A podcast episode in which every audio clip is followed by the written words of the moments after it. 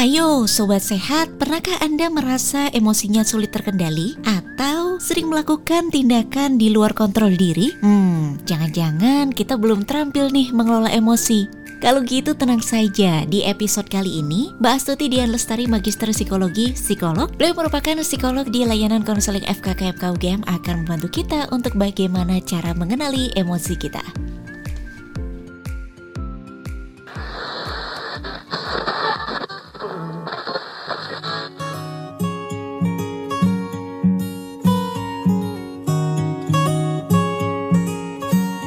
kita akan bahas tema yang menarik bersama dengan Mbak Dian ya. Dan Sobat Sehat, pernahkah Anda pernah melakukan sesuatu yang merugikan karena sulit mengendalikan emosi? Atau mungkin pernah sedih berkepanjangan? Nah, hal itu akan kita bahas selama kurang lebih satu jam ke depan di acara Tanya Pakar mengenai bagaimana nih cara mengontrol emosi. Tentu ini emosi ini sangat akrab dengan kita sehari-hari. Namun sebelumnya nih, Dian izinkan kami untuk meluruskan dulu ada banyak orang dari mungkin sobat sehat juga yang berpikir bahwa emosi itu adalah sesuatu yang saat kita marah. Orang emosian, orang marah-marah, mudah marah. Apakah kita emosi itu adalah marah atau gimana Mbak Dian? Iya ya kalau di Indonesia kita uh, sering bilangnya oh kamu nih orangnya emosian jadi kesannya tuh negatif gitu ya sebenarnya apakah emosi itu hanya untuk apa ya maksudnya yang sifatnya kayak marah kayak gitu ya yang, yang atau sedih yang negatif kayak gitu. Nah sebelum kita ngomong kita lebih jauh gitu ya kan judulnya itu bagaimana kita mengenal eh mengelola emosi gitu. Nah yang pertama kita harus paham dulu sebenarnya emosi itu apa sih gitu ya. Nah uh, emosi itu adalah um, jadi reaksi nature-nya manusia gitu ya uh, sebagai ben sebagai bentuk respon atas uh, peristiwa yang dia alami kayak gitu. Jadi sebenarnya itu adalah uh, reaksi gitu ya, reaksi yang kemudian kita munculkan pada suatu uh, situasi tertentu gitu. Nah, reaksinya maksudnya reaksi yang gimana sih gitu ya. Jadi tuh sebenarnya ada komponen-komponennya dalam emosi itu gitu ya bukan sekadar oh kamu marah oh kamu sedih gitu ya tapi uh, secara uh, singkatnya uh, ada tiga hal gitu ya bagaimana kemudian kita penilaian kita terhadap uh, emosi yang kita rasakan gitu ya atau peristiwa yang kita rasakan. Nah pada saat kita merasakan emosi tertentu itu kok sebenarnya kan diikuti sama respon fisiologis gitu ya. Misalnya kalau kita marah tuh kan rasanya kadang kita ngeh ya kalau kayaknya panas gitu mukanya gitu ya. Atau kalau orang lihatnya kamu tuh kamu kayaknya udah merah banget gitu ya. Misalnya ah, enggak aku nggak marah kok gitu ya. Tapi kelihatan tuh mukanya merah banget misalnya gitu. Nah kemudian juga uh, uh, respon secara uh, perilakunya seperti apa kayak gitu uh, itu ya kayak secara singkatnya jadi emosi itu ya kita setiap hari setiap saat gitu ya gitu tapi kan ada yang kemudian uh, intens sekali ada yang uh, apa ya levelnya tuh biasa aja gitu nah, gitu oh, sih, terima kasih Mbak Dian. Jadi emosi itu tidak melulu soal marah saja. Tadi Mbak Dian juga menyebutkan ada juga emosi hmm. emosi-emosi yang lain ya Mbak Dian ya. Hmm. Ada, ada berapa jenis emosi sih Mbak Dian uh, dalam tubuh kita tuh? Oh ya, jadi uh, emosi kan kalau kita uh, apa namanya suka mengkategorikannya kan emosi positif, emosi negatif gitu ya seringnya ya gitu. Tapi uh, dari berbagai teori yang ada gitu ya secara umum itu dikenal ada enam emosi dasar gitu. Nah kadang-kadang yang kita alami itu kayak campuran gitu. gitu. Jadi in, uh, jadi bisa jadi bisa kadang-kadang kita ngerasanya makanya kita suka bilang kayak aku nggak tahu apa yang aku rasakan. Nah itu karena mix gitu ya. Tapi yang ada enam itu yang dasarnya yang biasa dikenal tuh ada yang pertama takut. Terus uh, jijik jijik emang jijik terus marah terkejut uh, senang dan sedih. Itu yang itu enam yang dasarnya kayak gitu. Tapi um, apa namanya itu nanti ada ada apa ya ada ada ada macam-macamnya lagi ya gitu. Misalnya um, misalnya takut tuh nah, takut tuh bisa kalau lebih lebih rinci ya lebih berkembang lagi tuh misalnya kayak cemas terus nervous ya gugup gitu misalnya. Atau misalnya kalau um, senang tuh bisa bentuknya tuh joy uh, apa kayak kita enjoy sesuatu gitu ya uh, euforia gitu ya terus uh, bisa bentuknya uh, apa namanya ya kita ngerasa apa ya hari itu kayak uh, cerah banget gitu ya misalnya gitu ya kalau kita menggambarkan sama mungkin kalau hari-hari ini kan mendung gloomy gitu ya mungkin itu kayak lebih uh, apa uh, termasuknya kayak ke kategori kesedihan gitu gitu gitu, gitu. Tapi yang paling dasar itu enam. Jadi um, kita perlu belajar gitu ya untuk mengenali uh, ketika kita mengalami emosi-emosi uh, emosi tersebut. Hmm, iya baik terima kasih Mbak, Mbak Dian. Ternyata ada enam kategori emosi yang mestinya harus kita pahami. Nah kadang tadi juga Mbak Dian menyebutkan kadang kita kita sendiri nggak paham nih emosi kita rasanya nyampur semua gitu ya Mbak Dian hmm. ya. nah ini mungkin uh, permasalahan kita semua nih Mbak Dian termasuk nah. saya juga. Nah kenapa Mbak Dian, kenapa kita ngerasa tercampur dan sulit mengenali emosi diri kita tuh uh, sebetulnya kenapa sih? Hmm. Ya jadi ada banyak faktor ya yang apa mempengaruhi bagaimana sebenarnya keterampilan kita dalam mengelola emosi gitu.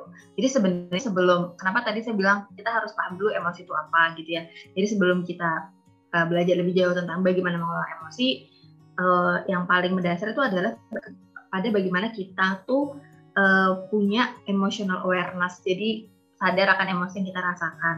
Nah, sebenarnya apa aja yang mempengaruhi bagaimana kita tuh bisa punya emotional awareness atau bagaimana keterampilan mengelola emosi kita ada banyak faktor um, bisa kondisi fisiologis, kondisi fisik kita kayak gitu.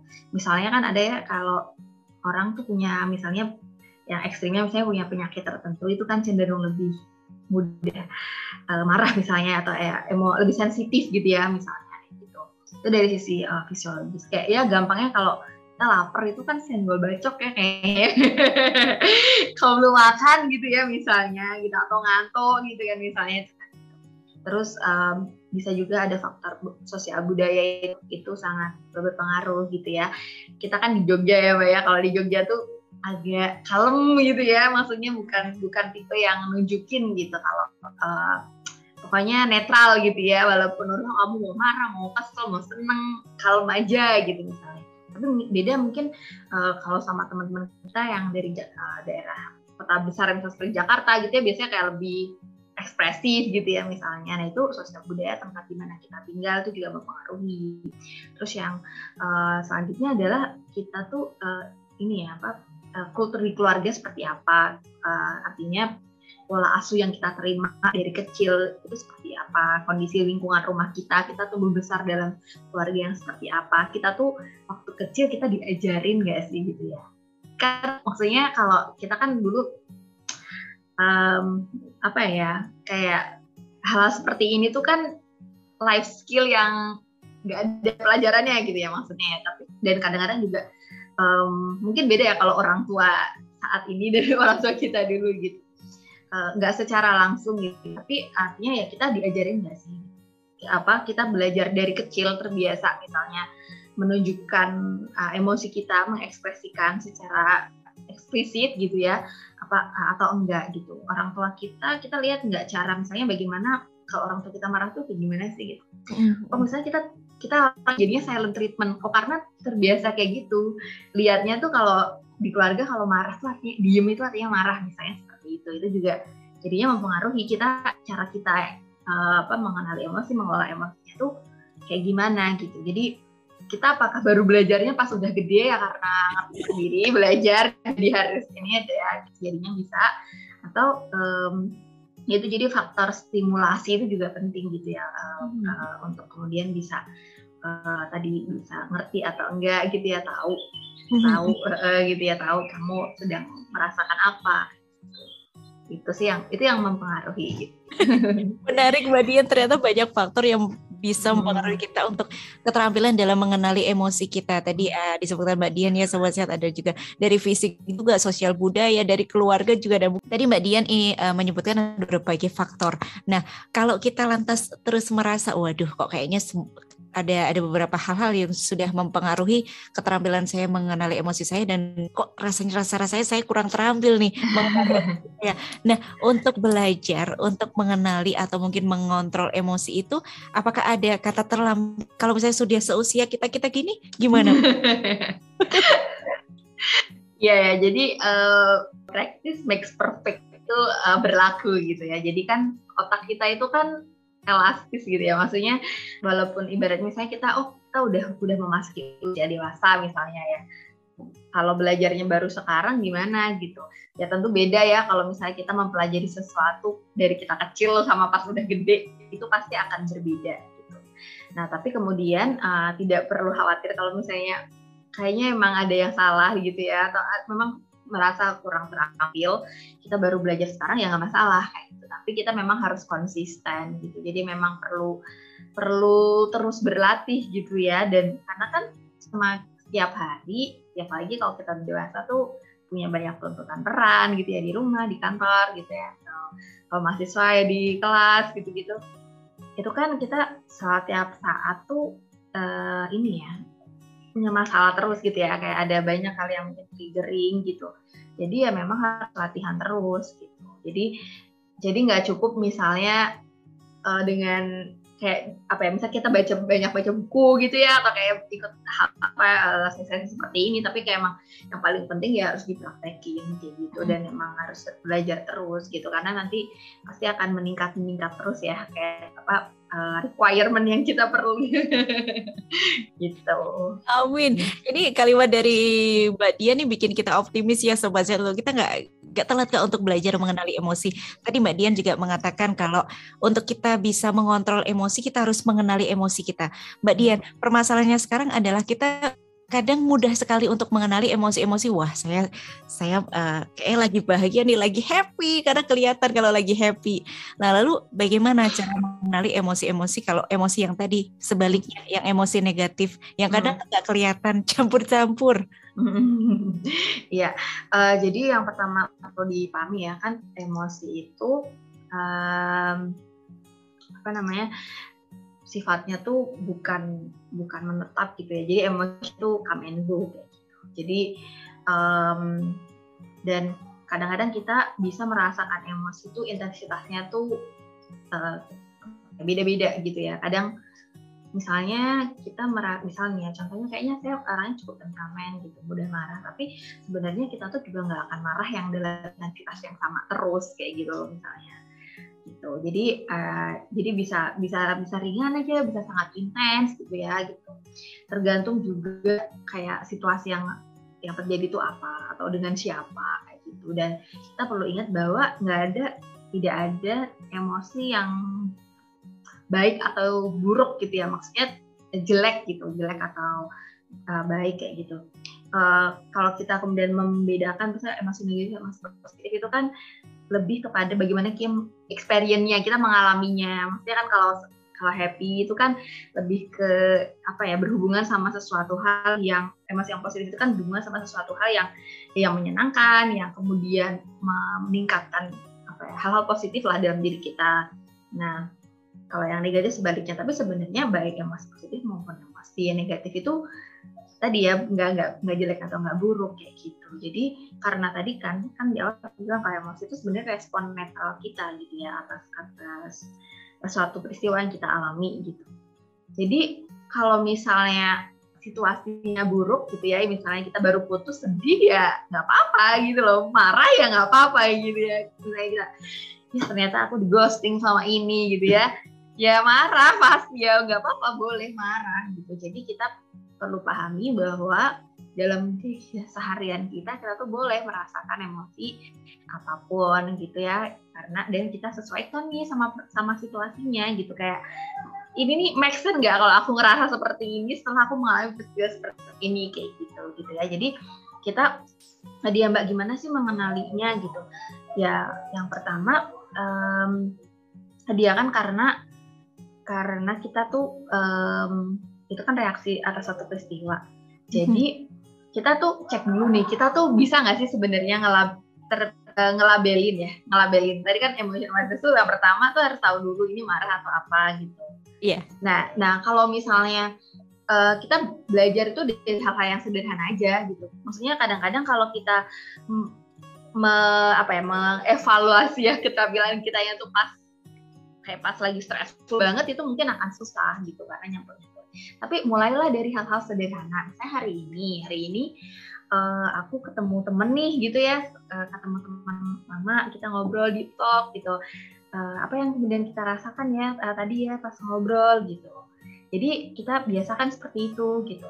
Oh senang kayak gitu. Apa yang kemudian uh, uh, sampai sampai itu dulu gitu ya. Kayak oh aku senangnya hmm, aku senang aja senang banget gitu ya. Biasanya kalau misalnya kalau dalam sesi counseling ya biasanya saya uh, mengajarkan tuh uh, kita biasanya latihan untuk kayak coba ngerating emosi yang kita rasakan gitu. Kalau udah tahu nih coba kalau udah udah tahu kayak ini apa nih? gitu ya.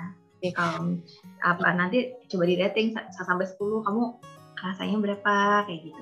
Mm-hmm. kayak intan atau enggak gitu Iya, jadi yang ada ratingnya tinggi apa rendah nggak cuma acara TV aja ya Mbak Dian ya, kita perlu merating emosi kita ya. Iya, tuh.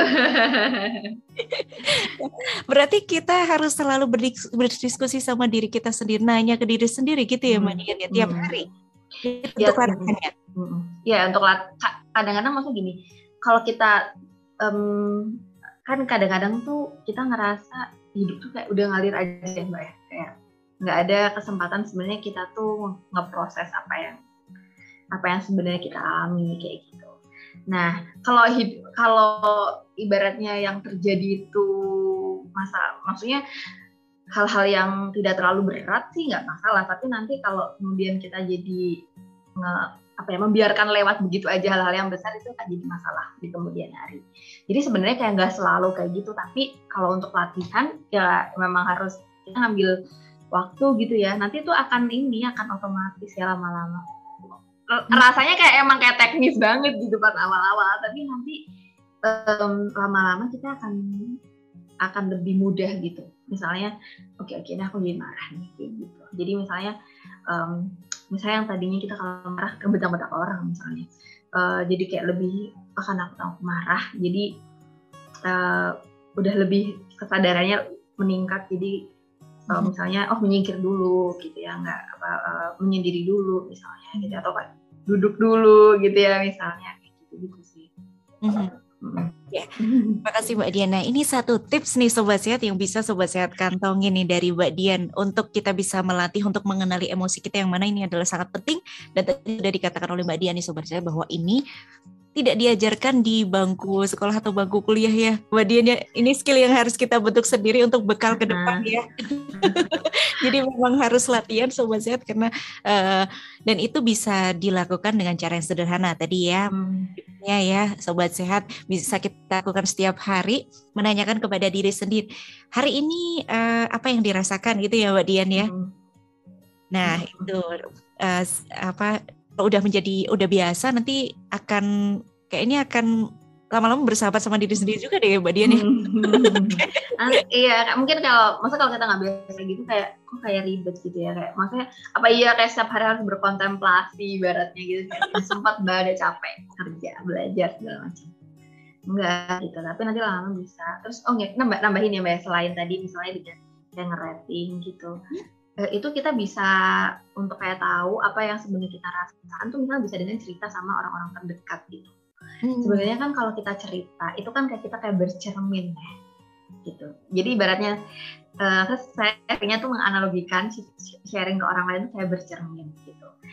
Uh, kan kalau kita bercermin, misalnya kita kan pakai kerudung tuh udah biasa ya, jadi mungkin nggak nggak nggak bercermin kita bisa tapi kan kalau kita bercermin kita jadi benar-benar bisa tahu kayak oh, ini udah bener udah bagus atau belum gitu ya ini udah rapi atau belum jadi saya kita um, apa namanya pas kita cerita sama orang lain tuh biasanya nanti kita bisa lebih dapat insight kayak oh iya ternyata oh ternyata tuh ini tuh yang aku rasakan kayak emosi yang aku uh, punya gitu ya atau perasaan yang kemudian muncul kayak gitu jadi bisa juga dengan uh, cerita ya curhat itu juga salah satu cara kita tahu emosi kita.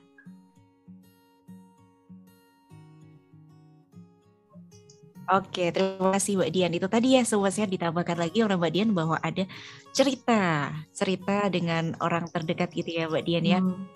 Yang pertama tadi menanyakan kepada diri sendiri, bertanya hari ini kenapa, dan yang kedua uh, bercermin atau bertanya kepada teman. Ada lagi mungkin Mbak Dian uh, sebelum nanti kita beranjak ke bagaimana mengontrol emosi, mengenali emosi. Selain itu ada tips-tips lagi untuk uh, sobat sehat nih. Ya, ya, jadi emang kita perlu tadi ya dalam rangka latihan itu kita kayak perlu tentukan kayak habit apa sih yang mau kita biasakan. Maksudnya kayak kebiasaan apa yang mau kita terus lakukan kayak gitu untuk menghadapi situasi situasi tertentu gitu. Maksudnya untuk kayak untuk mengenali emosi ini tuh kita ya tadi kan kan practice makes perfect. Jadi kita tentukan gitu. Kira-kira aku mau caranya gimana ya misalnya gitu. Ataukah um, misalnya belajar kan kadang ada yang nggak biasa cerita ke orang lain gitu ya misalnya. Atau kayak coba membuka diri, sharing gitu. Nggak harus masalah ya gitu ya kita sharing gitu. Nggak harus aku tuh nggak biasa cerita sama orang gitu ya. Maksudnya um, gak nyaman untuk sharing. Nggak nggak harus sharingnya tuh masalah atau ya kayak isu-isu tertentu yang diri kita tapi kayak sehari-hari aja eh tadi aku tuh makan bakso enak banget gitu ya misalnya di depan kampus gitu rasanya seneng banget habis kuliah uh, seharian gitu ya lapar atau makan yang enak gitu jadi kan kan hal yang sepele gitu jadi kita tentukan gitu ya kalau mau ngelatih skill emang kayak harus jelas gitu kita caranya mau pakai yang mana gitu. Mhm, mhm. nah, gitu. dan kadang bercengkrama kayak gitu dengan teman sederhana. Topik yang sederhana pun bisa bikin kita bahagia. Jadi ya kayaknya buat dia nih. Hmm. jadi relief gitu. Iya. Dan sobat sehat bisa uh, menentukan nih kayaknya ya mbak Dian. Kalau misalkan hmm. sobat sehat misalkan bertanya ke diri sendirinya tidak suka secara lisan kalau misalkan menulis gimana mbak oh ya uh, ya menulis bisa juga gitu ya ya gitu. Uh, misalnya kan bagus tuh kalau misalnya kita membiasakan diri journaling gitu. bikin jurnal gitu, bikin ya, diary ya bahasa itu, kayak bikin catatan gitu ya, bikin catatan. Um, kalau misalnya kan bisa macam-macam ya, bisa bentuknya itu um, kayak lebih deskripsi peristiwa apa yang baru kita alami atau kalau itu masalah masalah apa yang kita alami? Atau bisa dalam bentuknya tuh spesifik tadi ya kayak, kayak aku mau belajar emosi ini jadi aku mau identifikasi gitu ya emosi uh, apa namanya emosi yang aku rasakan tuh apa gitu ya misalnya gitu. Jadi uh, menulis kan tadi kayak cerita sebenarnya jadi kayak meng, men, apa ya meng, kan ya aku bilang kalau biasa sehari-hari itu kan otomatis tuh kayak pikiran kita emosi kita segala macam itu kayak di pause kita lihat lagi gitu kayak hmm. gitu jadi nulis cerita kayak gitu refleksi sama bentuknya Oke, jadi hmm. tergantung kita, kita yang milih mau yang kayak gimana. Yang penting latihan tetap harus jalan gitu ya Mbak Dian ya. Dan Mbak Dian ini emosi kan tadi kadang kita tiba-tiba aja gitu ngerasa emosi namanya kejadian, namanya ujian kan macam-macam ya Mbak Dian ya. Lalu apakah emosi itu bisa kita atur? Iya, jadi ya, jadi kan ah, emosi itu kan sesuatu yang nature ya, yang yang memang respon yang otomatis gitu ya sebenarnya gitu. Nah jadi kita tuh bisa sangat bisa gitu ya untuk kemudian mengelola bagaimana cara kita mengekspresikannya gitu ya atau kita nggak handle-nya tuh seperti apa tapi bukan tapi bukan berarti maksudnya kita bisa milih gitu ya bisa milih kalau um, aku nggak mau ah sedih aku maunya senang aja. Maksudnya tuh kita nggak bisa milih kayak emosinya apa karena dia tuh nature aja not naturally happen aja gitu ya. Maksudnya maksudnya mau sedih kayak gitu. Jadi misalnya um, misalnya kita baru uh, apa namanya kita kayak dapat hadiah nih gitu ya uh, tiba-tiba dapat hadiah gitu. Nggak uh, ada apa-apa tapi temen kita ngasih surprise gitu ngasih uh, apa namanya ngasih coklat lah atau apa gitu ya. Kita seneng banget tapi kayak ah nggak aku apa namanya kayak mau biasa aja gitu ya gak bisa. Itu kayak otomatis kayak misalnya mbak yang kita kan misalnya kamu kita dicubit itu kan sakit ya begitu ya misalnya ya. Kan itu kan otomatis ya gitu ya. Uh, uh, mau kita mau menjerit atau mau diem aja nah itu gitu ya. Kemudian bisa kita uh, kelola di situ kayak gitu. Jadi bukan bukan milih gitu ya bukan milih. Iya enak kalau kayak gitu ya baik kita pengen terus iya iya makanya makanya tadi saya bilang kan musik tuh nggak ada emosi yang buruk kayak gitu jadi semuanya tuh uh, as long as itu sesuai sama situasinya ya dan it's okay gitu. Yang disampaikan Mbak Dia nih uh, sedikit membuat kita semua tenang ya sobat bahwasanya emosi itu nggak bertahan lama. Ya Mbak Dia hmm, nih. Hmm. Dia tadi mengatakan kalau kita sedih ya nggak lama kok nanti hmm. setelah kita kita akan uh, bisa terswitch lagi barangkali setelah itu ada kejadian apa yang bikin happy gitu. Hmm. Jadi dalam menjadi kehidupan kayaknya ya asal kita bisa mengelola itu tadi insya Allah akan nggak uh, apa-apa ya Mbak Dian ya. nah Mbak Dian tadi mengatakan kalau ternyata yang bisa kita nggak bisa memilih emosi tapi kita bisa memilih bagaimana kita uh, merespon gitu ya Mbak Dian ya. Bisa bisa nge-handle-nya kayak gimana? Mhm, mhm. Lalu bagaimana Mbak Dian caranya nih kita bisa merespon dengan sesuatu yang mungkin nggak bikin menyesal di hari kemudian gitu? Oke, okay. sebelum saya uh, ini ya sampaikan kayak caranya kayak gimana yang uh, uh, perlu kita pahami adalah ketika kita tadi ya untuk memanage emosi, menghandle emosi, ya kalau emosinya positif sih cenderung kita rasanya pengen pengen ada di situ terus gitu ya, pengen senang terus gitu gitu. Uh, tapi kan tadi uh, emosi itu sebenarnya bukan sesuatu yang berlangsung lama, dia tuh temporary aja gitu. Nah, uh, tapi kan yang PR tuh soalnya kalau emosi negatif tuh kan kita kayak nggak tahan ya untuk kayak ada di situasi itu, masalahnya kan kayak gitu. Nah, yang perlu kita pahami adalah bahwa um, apa namanya kita tuh kan selalu selalu bisa memilih sebenarnya. Jadi kita bisa memilih apakah kita mau reaksinya tuh kayak gimana apakah mau membiarkan emosi kita tuh kemudian um, apa ya kita melakukan sesuatu yang bikin kita menyesal apa enggak sih setelahnya kayak gitu kan. Jadi kita selalu bisa untuk memilih gitu.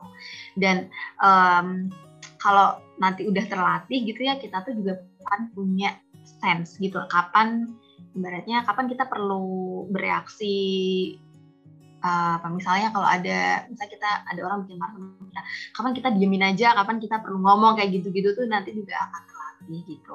Nah kemudian kita juga menyadari bahwa reaksi kita tuh sebenarnya kan akan mempengaruhi kayak selanjutnya gitu ya kayak mungkin bisa jadi interaksi apa hubungan kita dengan orang lain atau uh, misalnya kalau pagi-pagi udah riuh gitu nanti kan kayak udah emosi jiwa gitu ya pagi-pagi ntar kayaknya bede seharian gitu Nah, itu yang perlu kita pahami. Nah, terus uh, caranya kayak gimana sih tadi ya setelah yang pertama kalau jadi kan kita tuh pertama harus tahu dulu apa ya kan. Uh, makanya kadang kalau kita memberikan apa uh, latihan ke anak-anak tuh sebenarnya bukan ke anak-anak juga kalau kalau pelatihan yang terstruktur gitu ya itu tuh uh, tentang regulasi emosi kita belajar untuk kayak lihat ini ya misalnya pakai gambar-gambar Mm-hmm. Jadi ekspresi ini tuh apa gitu-gitu. ini ekspresi marah, pakai pakai gambar-gambar kayak gitu gitu ya. Jadi uh, jadi kita apa namanya dari facial expression aja itu kita perlu paham gitu. Nah, jadi, uh, itu ya, Mbak. Jadi terus uh, dalam mengelola emosi itu gitu. Um, jadi cara yang mengatakan kayak kita tuh bisa gini, kan kadang-kadang ada misalnya situasi yang itu terjadi begitu aja gitu ya. Jadi kita belajar untuk mengelola responnya gitu. Tapi hmm. kita kan juga sebenarnya bisa mengenali ya. Makanya kita kan tadi perlu membiasakan diri uh, awareness ya, apa namanya uh, emotional awareness itu. Jadi misalnya gini, ada sesuatu sebenarnya yang kita bisa hindari ya. Hindarinya tuh kayak antisipasi gitu. Hmm. Situasinya, misalnya gini, aku tuh setiap ujian selalu merasa takut gitu takut nilaiku tuh nanti tuh eh, nggak uh, bisa dapet A misalnya ya. Gitu. Kayak nanti aku harus randy gitu nah itu kan pola yang terulang ya kalau kita bisa mengenali. Jadi kan kita bisa antisipasi gitu ya kalau kayak gitu terus gitu ya misalnya apa yang kemudian bisa kita lakukan. Jadi kan itu, itu antisipasi. Atau ada juga yang kadang-kadang nggak bisa gitu ya. Maksudnya kita nggak misalnya nih tiba-tiba ketemu orang yang ternyata orangnya nyebelin gitu ya kita oh, banyak di banyak mendapatkan perkataan yang nggak baik terus bikin kita marah gitu kan. Itu kan berarti kita belajar mengontrol reaksinya kayak gitu. Jadi memang um, itu yang kemudian kita perlu ini ya apa namanya kita perlu pahami. Jadi ada ada sebenarnya yang kalau emang situasi kita makanya kan dalam uh, uh, dalam regulasi emosi itu um, ada beberapa hal. Yang pertama kan bagaimana kemudian kita memahami situasinya. Mm-hmm. tadi kan memahami situasi itu penting kan biar matching. Ini emosi gue matching apa enggak nih? Sama peristiwanya gitu. Uh, apakah ya tadi ya misalnya kayak diputusin tuh aku uh, kalau senang oh ya mungkin karena terlepas dari hubungan yang jelek gitu ya misalnya. Atau kayak sedih kan ya normalnya sedih gitu. Kalau nilainya jelek tuh sedih tuh wajar atau enggak sih gitu ya? Gitu misalnya. Uh, kayak gitu. Jadi pahami situ. Kita perlu yang pertama adalah um, memahami um, mengenali situasi gitu ya. Ini situasi yang uh, biasanya membuat emosiku intens negatif uh, negatif ya terutama itu apa bisa dihindari atau enggak. Kalau nggak bisa dihindari apa yang kayak aku harus mempersiapkan apa untuk menghadapinya itu kan gitu kan. Terus kemudian itu dari mengenali situasi. Yang kedua uh, kita perlu um, apa ya, uh, aware sama apa sih yang jadi sumber perhatian kita gitu kayak yang cara gampangnya nih ya mbak. Kalau misalnya kita ngomong depan orang tuh kan suka nervous ya kan? Suka takut gitu suka salah ngomong. Kadang-kadang kan ada ya kalau kita oh dalam um, kayak tips tips public speaking misalnya oh kamu tuh jangan lihat ke orang kamu lihat aja misalnya gitu ya um, dinding di depan kamu gitu ya misalnya kayak gitu. Jadi kita perlu um, apa namanya memperhatikan sebenarnya uh, apa sih yang kemudian tuh aku jadi jadi perhatian jadi hmm. sumber perhatianku tuh apa misalnya kayak oh um, misalnya kalau ngobrol sama orang tuh kayak cara, cara dia lihat aku gitu ya misal cara menatapnya kayak gitu ya. misalnya uh. jadi kita emang ya kita alihkan gitu ya kalau mm-hmm. oh, sama orang itu gimana ya nggak enak gitu ya misalnya jadi kita jangan lihat matanya gitu ya misalnya maksudnya tetap tetap uh, tatap muka tapi jangan lihat matanya gitu ya lihatnya lihatnya gitu misalnya itu kayak perhatian kita tuh itu kita juga bisa kita lakukan gitu. Terus yang uh, penting tuh juga adalah gimana kita uh, menilai gitu ya, kayak penilaian kita terhadap situasi itu seperti apa. Oke. Okay. gitu. Jadi kan kalau tadi ya emosi itu kan akan otomatis munculnya apa, tapi kemudian uh, setiap orang tuh akan punya experience yang beda-beda tadi gitu ya. Mm-hmm. Marahnya Mbak Galuh tuh akan beda sama yang aku rasakan gitu.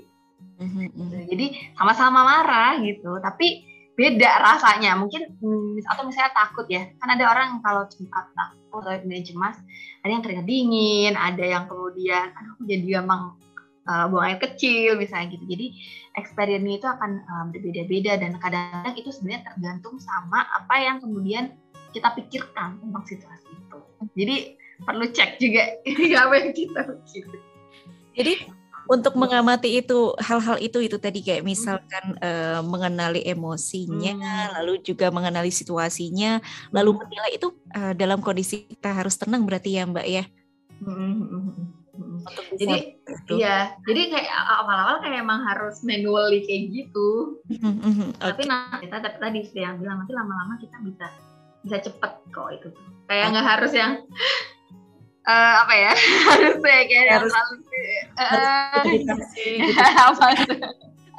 gitu. Gitu terus uh, satu lagi sih mbak kayak yang kita perlu perhatikan um, respon kita. Maksudnya apa yang perilaku yang kemudian kita munculkan?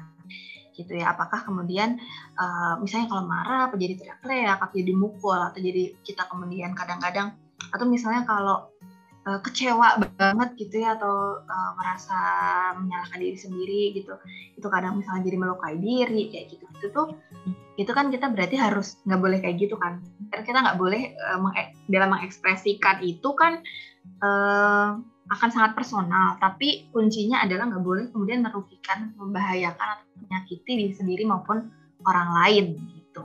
Jadi diri sendiri berarti kan kan aku nggak ngerugiin orang gitu ya mukul kepala sendiri misalnya kayak eh, itu nggak boleh tetap gitu ya. Juga jadi kita kita kita perlu uh, uh, latihan. Kita cari respon apa perilaku kita untuk responnya itu apa. Misalnya kayak tadi ya oh kalau marah misalnya bisa menyendiri dulu gitu. Atau kemudian latihan per, relaksasi latihan pernafasan gitu ya misalnya ngobrol ngomong sama temen kayak gitu misalnya gitu. Siap, terima kasih Mbak Dian. Ternyata hmm. ada beberapa step nih Sobat hmm. Sehat harus kita kenali untuk kita biar tidak merespon dengan sesuatu yang merugikan diri hmm. sendiri atau jangan sampai juga nih merugikan orang lain. Jadi perlu kita amati dulu betul-betul.